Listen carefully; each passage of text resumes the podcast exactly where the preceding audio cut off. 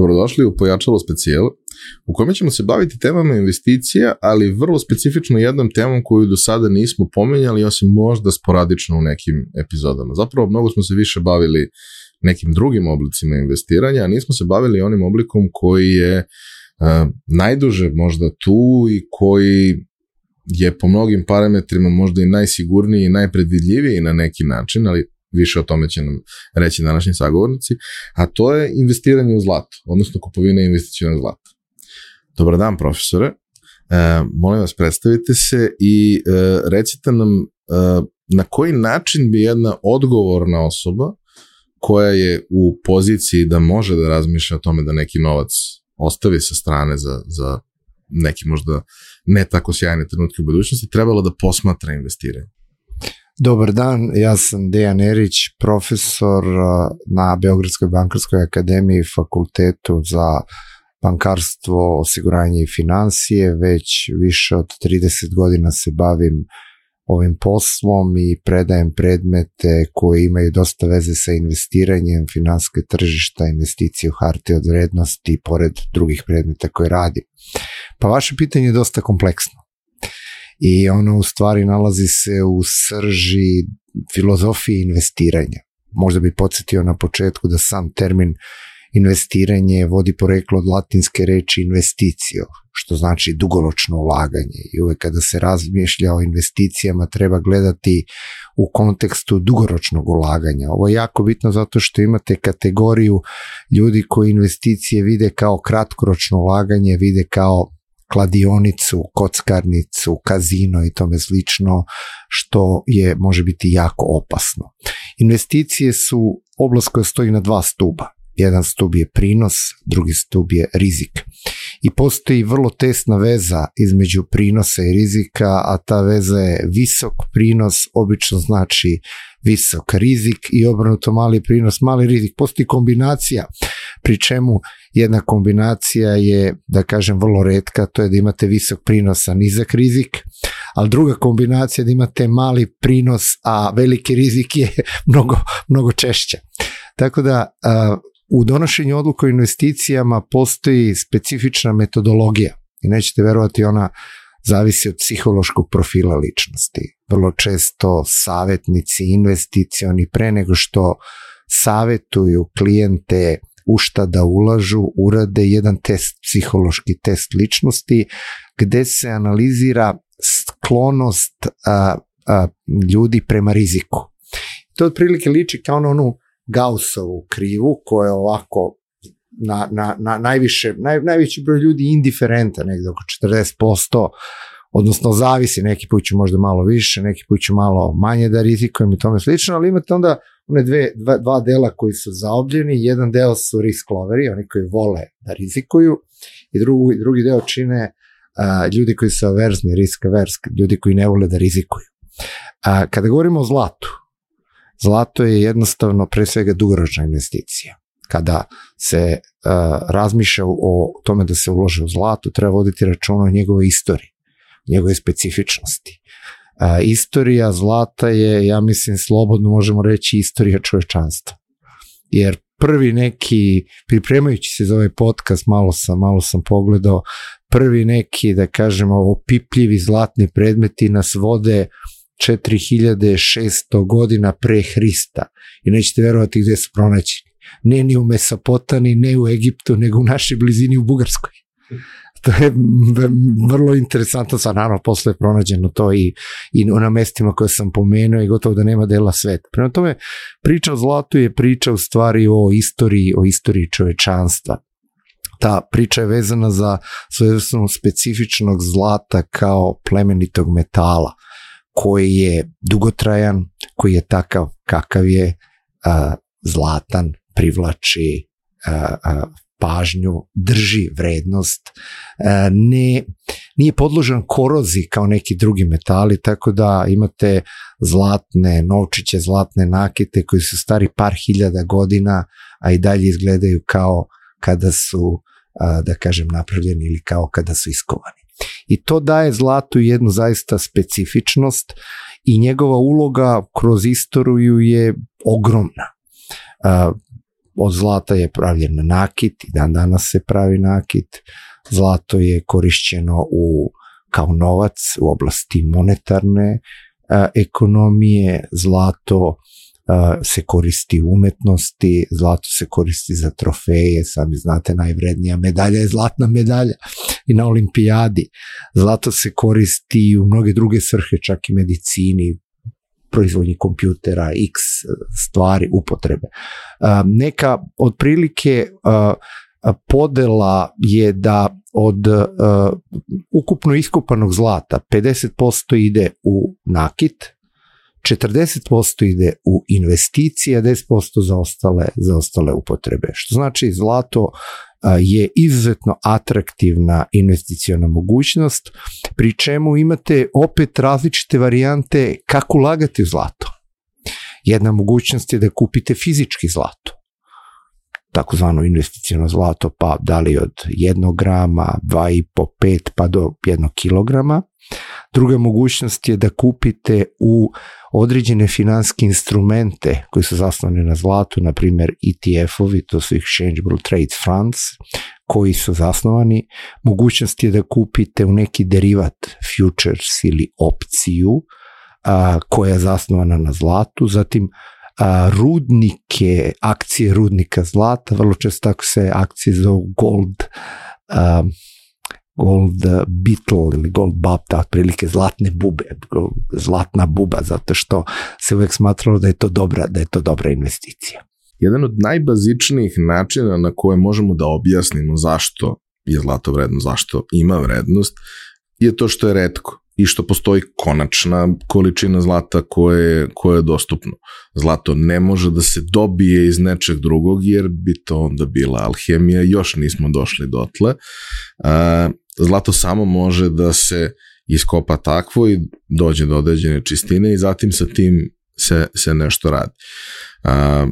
Zlato je korišćeno, kao što ste rekli, umetnosti kada je potrebno da se doda vrednost nečemu i da se doda na atraktivnosti, naravno nekako, ne znam, ima raznih ljudi, ali ne znam mnogo ljudi koji kada vide zlatni detalj na nečemu ne primete da je on lep, osim ukoliko ode u domen kiča. Ali e, ta jedna osnovna stvar e, da zlato kroz istoriju je uvek bilo redko i bit će ovaj, sve manje dostupno u, u budućnosti naći nove izvore i zato se zlato, ne znam, iz elektronike reciklira kao i razni drugi razni uh, redki metali. Kako je tekla pojednostavljeno istorija vrednosti zlata kao komoditije kojim se na neki način trguje. Kako se kroz istoriju menjalo to ovaj, i, i razvijala ta cela priča, da su ljudi svesno to gledali kao neku vrstu svoje sigurnosti i budućnosti. Ivane, hvala vam puno, mnogo ste lep uvod napravili i opet ste obuhvatili zaista suštinu. Zlato je plemeniti metal koji ima svoja, da kažemo, hemijska, fizička svojstva.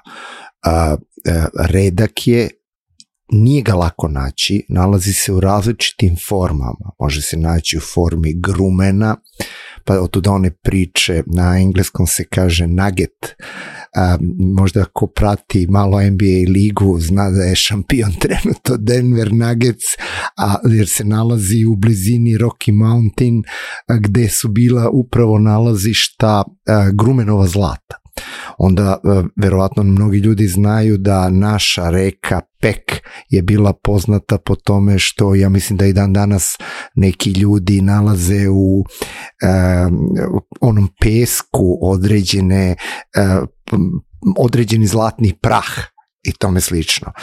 Na, nalazi se u različitim formama i zaista ga nije lako naći, posebno što je neki put povezano i sa nekim drugim a, a, metalima, bakrom i tome slično. Onda ekstrakcija je isto zahtevna, zahteva određeni, određeni proces.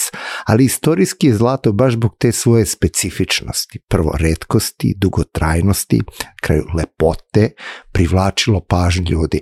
Sjajno ste pomenili alhemičare i a, a, a, kamen filozofa koji su pokušavali kroz istoriju zlato da stvore. To je bila obsesija maltene ljudi kako od nečega da naprave jednostavno zlato.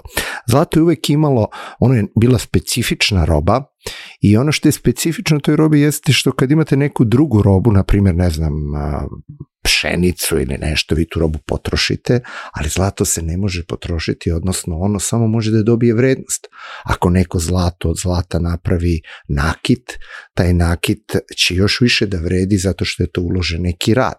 Pa ako je to još redak tip nakita, onda će dobiti vrednost. Tako da sve... A ako nije i ako nije dobar, uvek možeš da ga pretopiš i vratiš ono prvo. Upravo tako i to je ono što je to je ono što mu daje što je ono što mu daje vrednost. Ljudi su prosto od davnina prepoznali da postovati zlato znači jednostavno jednu sigurnost, znači jednostavno snagu, na tome su nastajali mnogi gradovi, na tome su nastajala određena carstva. Zlato relativno brzo u osnovi kreiranja novca.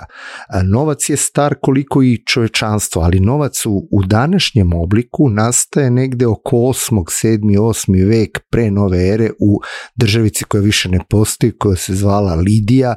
Nalazila se današnja oblast Anadolije Turske, 547. je pokorila Persija, posle 113. rimsko carstvo, pa se izgubila. Ali gene, pa sve posle to bila Vizantija. Tu su pronađeni zlatni novčići, negde 6. 7. 8. ne zna se tačno, vek bio neki kralj, krez, pa je čak i kod nas bio neki izraz bogat kao krez, ovaj, koji su tačno imali težinu težina tog zlatnog novčića, bilo i srebrnih, ali zlatno posebno, je bila između 4,2 i 4,5 grama zlata. Ti novčići se danas nalaze, ako neko od vaš, naših slušalaca, gledalaca bude otišao u London u British Museum. Oni su sačuvani u izvornom obliku i to je, možda je novac postoji pre, mnogi pričaju da su, ne znam, Feničani izmislili novac, ne, novac potiče iz Lidije. Ono što je interesantno jeste da je zlatni i srebrni novac nastao nekih 16 vekova pre papirnog novca. Papirni novac je nastao u Kini negde 9. 10. vek, Marko Polo ga je doneo u 12. 13. veku u Evropi, a tek je počeo da se štampa negde 15. 6. 17. vek kad su centralne banke faktički zaživele. Prema tome, zlato ima ogromnu ulogu u monetarnom sistemu. Zbog te uloge je poznato i, i takozvano monetarno zlato, pošto je zlato bilo osnova za štampanje novca. Imali ste zlatni standard koji je podrazumevao jednu neku vrstu sigurnosti, a to je da bi ljudi verovali da, ta, da papir ima neku vrednost, moralo je da postoji podloga. To znači moralo je da postoji određeno deponovano zlato, a onda je centralna banka morala da izemituje novac koji je neko koji ima novac u svakom trenutku mogao da konvertuje. To je negde od da kažem sredine 19. veka bilo, pa negde do krize 30. godina 20. veka. Onda su Amerikanci, ja mislim 35. doneli Federal, Reserve, uh, Federal Gold Reserve Act, gde je definisana cena zlata za jednu uncu negde oko 35 dolara, tako nešto. I faktički to je nekako potrebalo do drugog svetskog rata kada je Bretton Woodom promenjen monetarni sistem gde su ostale valute uh, bile vezane manje više za dolar, a jedina konvertibilna valuta za zlato je bio dolar i to je bilo sve do 1971. godine. Od tada švajcarci su još zadržali možda 28 godina do 99. franak je mogo da se menja za zlato, ali zlato u tom kontekstu neste. Međutim, šta se desilo? I države su bile mudre, pa drže zlato u formi ingota, odnosno zlatnih poluga i faktički snaga jedne zemlje između ostalog se meri prema tome koliko imate zlatnih, zlatnih rezervi. Prema tome zlato zaista ako ga gledamo kroz istoriju ima ogromnu ulogu. Što se tiče cena, ja moram tu da pogledam, ja sam spremio neke, moram da kažem, podatke, to lako vaši gledalci mogu naći. Cena zlata je dugo a, a, a dugo ostajala, da kažem, na nekom stabilnom nivou. Zlato je generalno financijski instrument ili u tom smislu koji nema veliku volatilnost cena kao što imaju neki drugi instrumenti, na primjer akcije ili derivate. Do 70. godina ona se kretala negde između 30 i 40 dolara. A onda 70. godina se desile šta? Nekoliko stvari. Rat između Arapa i Izraela pa naftni šokovi, velika inflacija, cena skoče na 80. 80. godina, opet neizvestnost, ratovi, tome slično, rat u Afganistanu, cena skače na 800, ponovo pada. Od 2000. godine na ovam imali ste sa neke 2000 pete, šeste, 500, a onda se dešava ona hipotekarna kriza. Sećate se 2007. u Americi, 2008. 9. u celom svetu, skače na preko 1600 dolara. Posle toga ponovo se malo stabilizuje, a onda dešava se novi skok korona. Korona prek maltene na 2000, pa smo imali rat u Ukrajini na 2800 i ponovo pad. Ako gledamo kroz istoriju, da uzmemo samo zadnjih 120 godina, recimo od početka 20. veka pa recimo do sada, ono što možemo primetiti jeste da cena zlata je relativno stabilna kada su stabilne političke i ekonomske prilike. Međutim, kada se desi neki belaj, što bi se reklo, kada dođe do rata, kada dođe do krize, kada dođe do nekog poremećaja, cena zlata odmah skače. Šta, vam, šta nam to govori? To nam govori jednostavno da je zlato sigurna luka. Drugim rečima, kad je teško zlato, kad je kriza, ulaže se u zlato. A u financijama postoji jedan sistem kao spojenih sudova. Znate, kao da imamo neku tečnost, pa kad je dobra privredna struktura, kapital se preliva u, u, u neke instrumente kao što su obveznice, akcije i tome slično, tada cena zlata lagano pada, savjet je tada ga treba kupovati. Kada nastupi kriza, ove instrumenti počinju da padaju, a cena zlata počinje da raste. I to je otprilike neka zakonitost koju možemo isključiti. Dakle, zlato je dobro kao investicije u uslovima inflacije, u uslovima nesigurnosti. Šta imamo sada? Ako pogledate od 2008. godine, imamo neverovatnu monetarnu ekspanziju u skoro svim zemljama sveta. Toliko je novca naštampano 2000 ovce da ne postoji realno opravdanje. To, to je počelo je u Americi, znate ono nekoliko talasa spašavanja banaka, too big to fail, jednom pomoć 950 milije, milijardi, drugi put 700 milijardi, to su ogromni iznosi. Evropska banka je naštampala 10 puta više novca nego što je objektivno a, a, a, privredni, privredni rast. A, ta novac gubi vrednost, zlato ne gubi vrednost.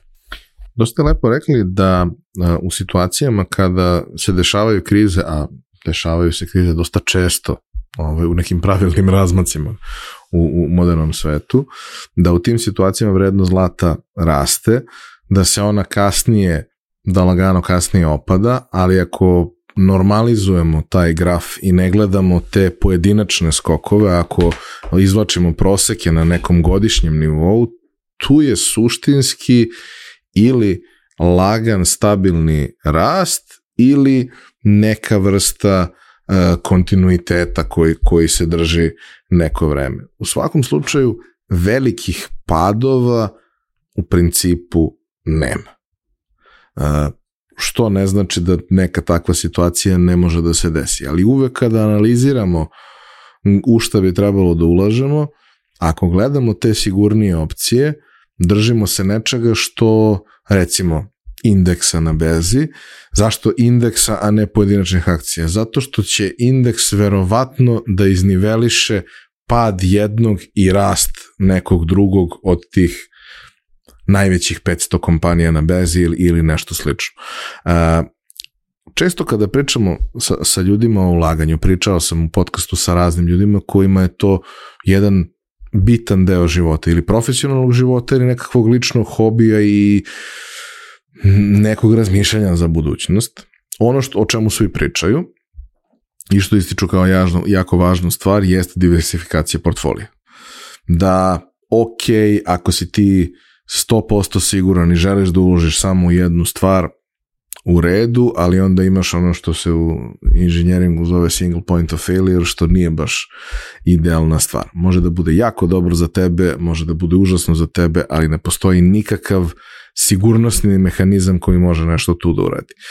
Uh, nećemo davati ljudima konkretne savete kako treba da diversifikuju svoj portfolio, kao što ste i rekli, različiti tipovi ličnosti, o tome treba da razmišljaju na različite načine.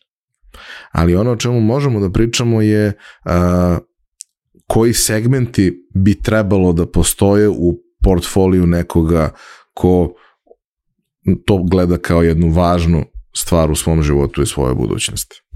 Ja imam jedan, uh, moram da vam kažem, jedan moj aforizam, ovaj, lično moj, to je kada nemaš alternativu, onda moraš, kad imaš alternativu, onda biraš.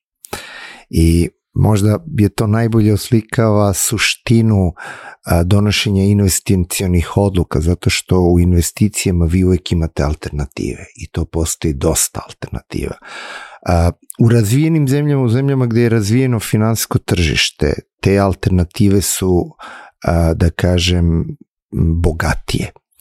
Kod nas, zbog relativne nerazvijenosti tržišta kapitala, možemo se nadati samo da će biti više ponuda, ljudima je mnogi deo, mnoge od tih alternativa ograničen. Ajde da pođemo šta ima razvijeno finansko tržište. Vi imate bukvalno čitavu lepezu investicionih alternativa od onih koji su namenjeni ljudima koji ne žele puno da rezi, e, riz, e, e, rizikuju, dakle oni koji su, da kažem, averzni na rizik, do onih alternativa koji su a, a, a, namenjene onima koji mnogo vole da rizikuju i koji očekuju, da kažemo, relativno visoku zaradu i spremni su da prihvate visoki rizik.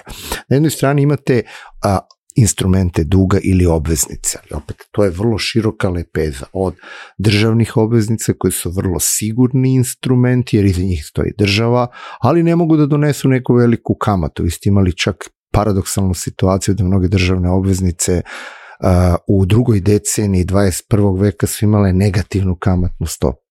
I ne zamislite, vi mi pozajmite 100 evra i još morate da mi date 1 euro što ste mi pozajmili. Mislim, ja moram kao ekonomista, za mene je to paradoks. Čak, čak ja, i veliki sam bio kritičar negativne kamatne stope, koje možda i u jednom trenutku 2011. 10 imala neko opravdanje zbog grčkog duga, ali generalno mislim da je nanela mnogo više štete nego, nego koristi, jer je ubila suštinu investiranja. A suština investiranja jeste da dobijete neki prinos. Onda imate, da kažemo, neke korporativne obveznice, različite, odnosno obveznice lokalne samoupravne, korporativne obveznice koje vam donose malo više stope prinosa odnosu na državno, ali veći nivo rizika. Ko nije zadovoljan time, ima čitavu lepezu instrumenta akcijskog kapitala preferencijalne obične akcije, globalne depozitarne potvrde, američke depozitarne potvrde, to je čitava jedna lepeza. Onda imate instrumente koji su zapakovani, kombinacija jedne i druge prethodne grupe kroz različite vrste investicionih fondova koji su prosto u zadnjih 20-30 godina eksplodirali, uključujući exchangeable trend funds, ETF-ove, vrlo različite, skoro smo imali da je američka komisija za hartije od, eh, za hartije od vrednosti odobrila prvi ETF na, na kriptovalutu na Bitcoin. Dakle, prosto svet se menja žestoko. I tu već ta alternativa vam daje mogućnost da diversifikujete, onda imate da kažem one malo rizičnije alternative kroz različite vrste hedge fondova, ali tu morate da imate i određen minimalan nivo, nivo ulaganja, ne ispod milion dolara, milion eura, preko derivata, FX tradinga, e, do različitih e, strukturiranih proizvoda koji su se pokazali naročito u svima krize vrlo ne. Šta je logika diversifikacije? Vi ste lepo rekli. Ja bi to onako narodski, postoji jedan prost izraz, kaže nemojte držati sva jaja u jednoj korpi. I to je suština. Dakle, A, a ono što samo moramo voditi računa da diversifikacija može da se radi ukoliko, ukoliko ne možeš da radiš diversifikaciju sa 100 eura i 1000 eura. Diversifikaciju možeš da radiš ukoliko imaš a, a, dovoljno iznosa sredstava za investiranje, pa onda možeš da razmatraš šta su te alternative. Čega kod nas nema? Kod nas nemate državne obveznice država se zadužuje, ali s druge strane ni fizička lica ne mogu da kupe te obveznice. Čovjek koji ima neke pare može da te pare oroči u banci dobije 2-3%. Bilo bi lepo kad bi bila državna obveznica da može da dobije 5-6%. Kompanijske obveznice postoji neki program i postoji ideja da se razvije, ali to tržište još uvijek nije razvijeno.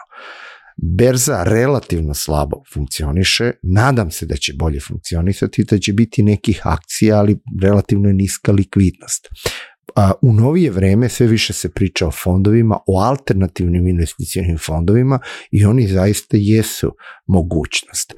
Derivati i ostale stvari pa prosto da vam kažem zahtevaju određeni nivo znanja koje je pitanje da li prosječan investitor ima i da li ga posjeduje, da ne govorimo o nekim strukturiranim proizvodima čega kod nas nema. Prema tome, lepeza onoga u što ljudi mogu kod nas da investiraju je relativno mala. Takvim uslovima čemu se ljudi okreću? Obično u, ulaganju u nekretnine, nešto što su radili i naši roditelji i njihovi roditelji, pa vi imate ne znam koliko vikendica u blizini Beograda i tome slično, to je generalno mrtav kapital i postavlja se pitanje kada ga kupujete, ako kupujete u periodu rasta cena, da li ste vi jednostavno sigurni da će te cene ostati i da li je to jednostavno likvidno. U takvim uslovima jednostavno zaista je velika dilema i veliko pitanje u šta investirati. Ono što je bitno jeste da svaka investicija ima nekoliko aspekata. Jedan je prinos, drugo je rizik, treći je likvidnost. Dakle, to su najmanje tri bitne stvari. Koliko će mi doneti, koliko je to sigurno i da li je to likvidno. A, obično zlato, moram da vam kažem, nije investicioni proizvod koji je namijenjen svakom tipu investitora. Ono je za, određeni tip, za određeni tip investitora, najčešće onih koji imaju dugoročni horizont investiranja. To znači želiš da uložiš i ne da pitaš svakog mjeseca ili svaka tri mjeseca koliko je cena, da li je skočila da ja, da ja prodam. Od to, od to zlato sigurno nije, ali neko ko ima horizont 5, 3, 5, eventualno 10 i više godina zlato je dobra investicijona alternativa, da jedan deo svog plasmana, 20 do 30% možda nekog svog portfolija plasira. Zašto? Zato što je siguran, zlato je jedan od a, mehanizama hedginga portfolija. Hedging je zaštita od rizika jer vi tu kad uložite možda nećete imati prinos kao na nekim drugim segmentima, ne znam, na tržištu akcije ili na tržištu fondova i tome slično, ali znate da nećete ni izgubiti kao što na ovim tržištima možete izgubiti. Jedna stvar koju se niste dotakli, a koju ja mislim da je jako važna, jer uvek kada pričam sa, sa kolegama na ove teme, a jeste to postalo važna tema prethodnih nekoliko godina, jeste taj moment koji ja možda nestručno nazivam na sledeći način, a to je hoćeš ti time da se baviš. Nekretnina ne mora da bude loša investicija ukoliko to nije nekretnina koja stoji i ničemu ne služi. Ukoliko izdaješ na mesečnom nivou, možeš da očekuješ neki prinos. Ok, sad smo imali celu situaciju sa doskom dosta uh, Rusa i Ukrajinaca, renta nekretnina je otišla gore, vratit će se verovatno u jednom trenutku na, na neke normalne stvari, ali u normalnim uslovima, u prosečnim uslovima, koliko tebi vremena treba da isplatiš tu nekretninu, pa treba ti mnogo desetina godina. Ako hoćeš da je, da je rentaš na dan, iako je ona pogodna za tako nešto, što verovatno znači da je skuplja, na dan, na kraće, na slično, možda možeš više da izvučeš iz te nekretnine, a možda može da se desi da umesto da bude 27 od 30 dana zauzeta, bude 7 od 30 dana zauzeta pa da se to ne isplati. Ali i u jednom i u drugom slučaju to nije samo nekretnina koja ima vrednost, nego je to nešto čime ti moraš da se baviš.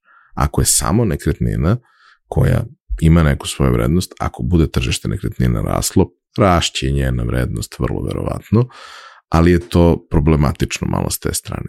Slična priča je i sa akcijama koliko ti time hoćeš da se baviš. Ako hoćeš malo da se baviš, pa onda izaberi nešto što da neće biti problem ako sedam dana ne pogledaš. Ako hoćeš da se baviš time svaki dan, onda dođeš u onu situaciju koju je mnogo mojih prijatelja imalo sa kriptoma, neki imaju i sa akcijama, kao ja što imam sa tenisom ili NBA ligom. Ja kad se probudim noću, da bih otišao do toaleta ili promenio jastuk ili šta god, ja pogledam koji je bio rezultat. Ne želim da imam još neku stvar koju treba da pogledam. Ne želim da mi to kada se probudim u propasti ostatak noći jer se nešto desilo. Dakle, ja sam verovatno neko ko je konzervativniji u tom nekom smislu i ko razmišlja da, ok, zašto ja to radim? Ja to radim da za 20 godina ili 25 to bude nešto na što ja mogu da se oslonim. Jer ne oslanjam se na to da će penzija u klasičnom smislu da me izvadi u tim situacijama. Naravno, ima različitih ljudi i sve to, sve to u redu. Zlato, koliko zahteva bavljenje? to, ste, to ste jako lepo rekli. Ja moram da kažem, odgovor na ovaj prvi deo pitanja koliko želi da se bavi zavisi po, u, ve, u velikoj meri od svakog pojedinca. Znate. Postoje instrumenti koji prosto ne ne zahtevaju puno da se njima bavite. Pre svega to su neki instrumenti koji imaju relativno mali rizik državni papiri.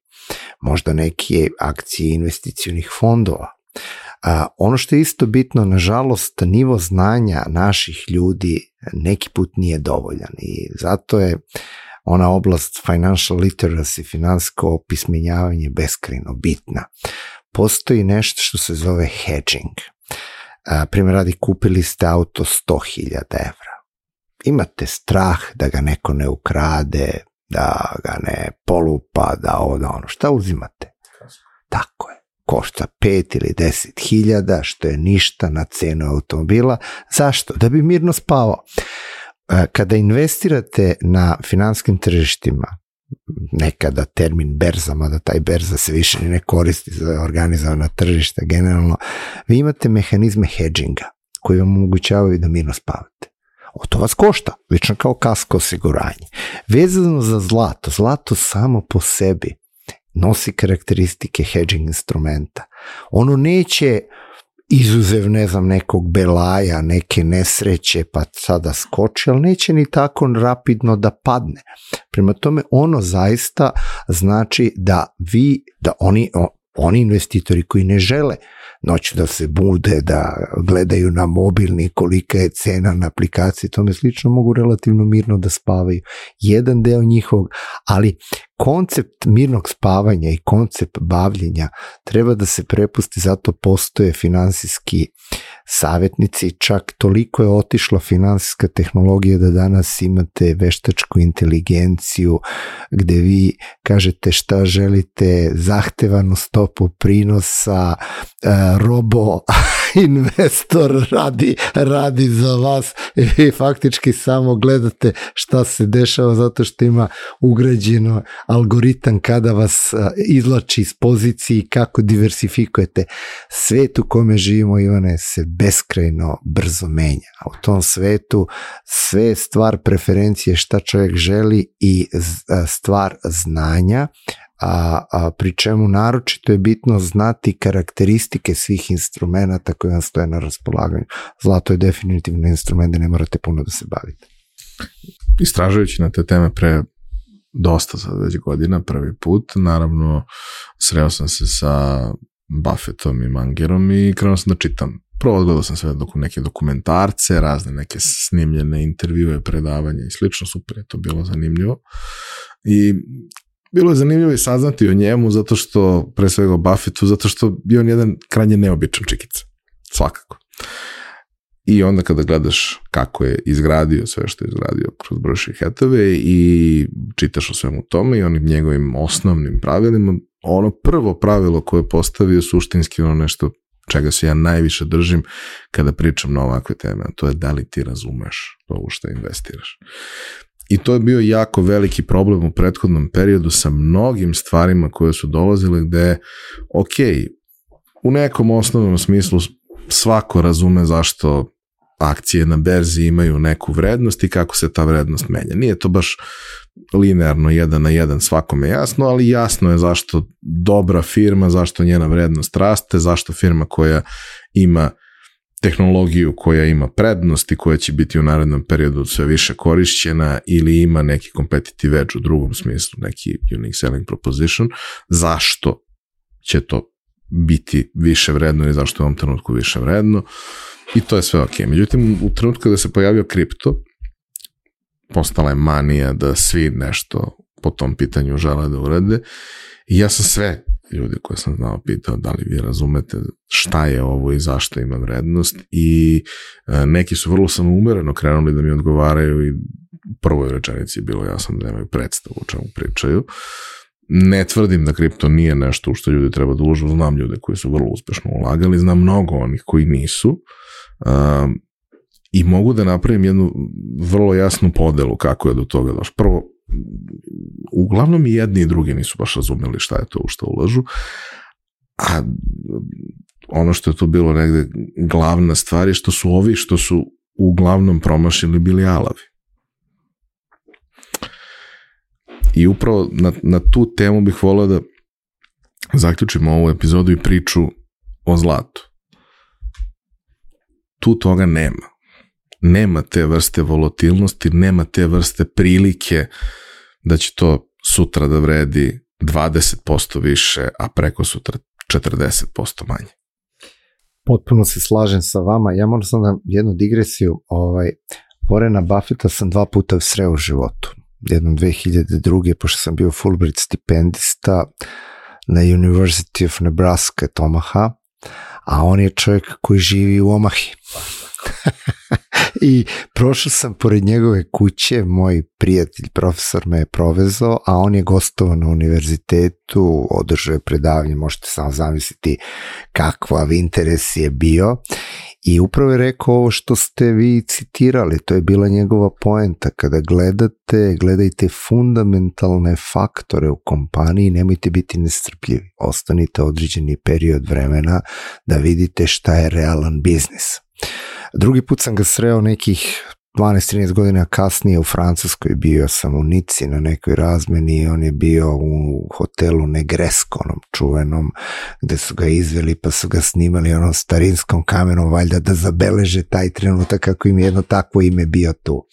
Ovaj, naravno nisam mogao prići nisam mogao da razgovaram s njim, ali definitivno investiranje u akcije podrazumeva i tu imate, da kažemo, dva pristupa analizi vrednosti. Jedno je onaj tehnički pristup gde imate one čartiste koji gledaju grafike pa identifikuju da li će cijena da raste, da li će da pada i tome slično.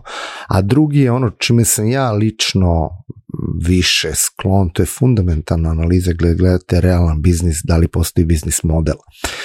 Kod kripta, evo ja ću vam ispričati moju priču. 2021. ja na Bankarskoj akademiji predajem predmet e, finansijska, finansijska tržišta. 90% mojih studenta trguje kriptovalutama na Binance, uhvatim sebe da ja ne, ne znam šta oni rade. I rešim ja, rekao, otvorit ću nalog, uložim 150 eura, kao da smo otišli negde na večeru, preželim te pare, sad sam na negde 60 eura od 150, jak sam ih potpuno preželio, sa idejom da ja vidim taj svet, da uđem malo u taj svet i da proanaliziram. I verujte, kada proanalizirate, vi u stvari vidite da iza 90% kriptovaluta nema realnog biznis modela. Da ne kažem da je to fake. Neću da kažem tu reč, ali bez biznis modela ne može, nema alhemije. Ni u zlatu 7000 godina niko nije uspeo da napravi zlato. Finansijska alhemija ne postoji. A, tako da kripto jeste ogroman korak, iskorak, naročito tehnologija, blockchain, mnoge stvari će se promeniti, novac će se promeniti, sve će ići u digitalnu formu, u formu elektronskog plaćanja, ali da napravite nešto iz ničega ne postoji. I uvek će morati da se iza svake valute postavi pitanje da li postoji neki biznis model, da li postoji neki prihod, da li postoji neki cash flow koji se iza toga nalazi. Sa zlatom je drugačija situacija. Zlato postoji u fizičkom obliku. Ono što je dobro kod investicijenog zlata jeste što njega može da kupi čovjek koji ima i 70 evra, da mislim da otprilike toliko, 60-70 evra je 1 gram zlata, do ne znam 70.000 evra koliko košta kilogram zlata. Vi ga imate u fizičkom obliku. Sad mali je problem gde ćete ga držati i da vam ga neko ne ukrade, to sad je druga vrsta priče, ali ono postoji u fizičkom obliku. I što je najvažnije, nasledit će ga vaša deca, nasledit će unuci i mogu jednog dana reći tata, mama, deko, bako, hvala ti što si mi ostavio jer to nije izgubilo vrednost. Onda sami znate da je u nekim kritičnim situacijama, da ne pominjem drugi svetski rat, neki rat koji ima zlato, malte ne kupovao slobodu. Ja kažem, jer svako, to je univerzalno sredstvo, univerzalna vrednost, ona postoji u fizičkom obliku. Ovaj, sledeća šta je još jedna veoma bitna, bitna stvar kada, kada, govorimo, kada govorimo o zlatu. Veoma bitna stvar je da mi razumemo da je ono jednostavno. To je jednostavan instrument. Vi obveznice morate razumeti. Vi morate razumeti, ne znam, a, a, a, krivu prinosa. Morate razumeti vremensku, rizičnu strukturu kamatnih stopa. Kako kamatna stopa utiče na vrednost obveznica Ma, sad kad bi vas pitaju, neverovatno ne bi znali. A inverzno. Rast kamatnih stopa dovodi do pada cena obveznice i obrnuto. I sad vi morate stalno pratiti, ja, da li centralne banke dižu kamatne stope, da li padaju. Kod akcija, tek. Načulo se direktor ima ljubavnicu. Jao, skandal, odmah može da padne cena akcija. Načulo se ovaj ugovor će biti suspendovan, a odmah to potres cena akcija. Kod zlata, to je apsolutno jednostavan instrument. Dakle, M je zlato, proizvod za sve, M je jednostavan, M ga imate u fizičkom obliku i M ga imate jednostavno a, a, a, a, kao siguran instrument koji vas štiti naročito u uslovima inflacije, naročito u uslovima krize, u uslovima nekih nepovoljnih ekonomskih i političkih dešavanja. I to će zlatu uh, može neko da, da kaže u pravu smo, nismo u pravu, ali i da ne vodi neko ovaj razgovor i za 100 godina verovatno će iste zaključke reći kao što smo vi i ja a, sada zaključili. Profesore, hvala vam puno. Mislim da smo lepo oslikali temu o kojoj ćemo pričati i u narednoj epizodi, samo kroz konkretne načine na koje neko može da a, investira, odnosno kupi zlato. Hvala vam što ste a, vrlo lepo detaljno objasnili jezikom koji mogu da razumeju i ljudi koji nisu završili ekonomiju ili bankarsku akademiju. Hvala, kome god treba, lako me naći, samo malo prouglate Dejan Erić, ovaj, Knez Mihajlova, Bankarska akademija, javite se slobodno šta god vam treba. Volio bi da snimite neki podcast kod nas na fakultetu, imamo jako lep prostor. Dogovorit ćemo se, pričat ćemo, može da bude super ideja. Hvala vam puno. Hvala vam što ste nas slušali. Naredne nedelje pričamo sa predstavnicima Tavexa u Srbiji i jedne od firmi koja se već jako dugo bavi trgovinom zlatom, odnosno vašom mogućnosti da zlato kupite ili zlato prodate po nekim dobrim uslovima. Ali, ajde da ne pričamo previše sada o tome, sledeće srede epizoda baš o tome. Vidimo se.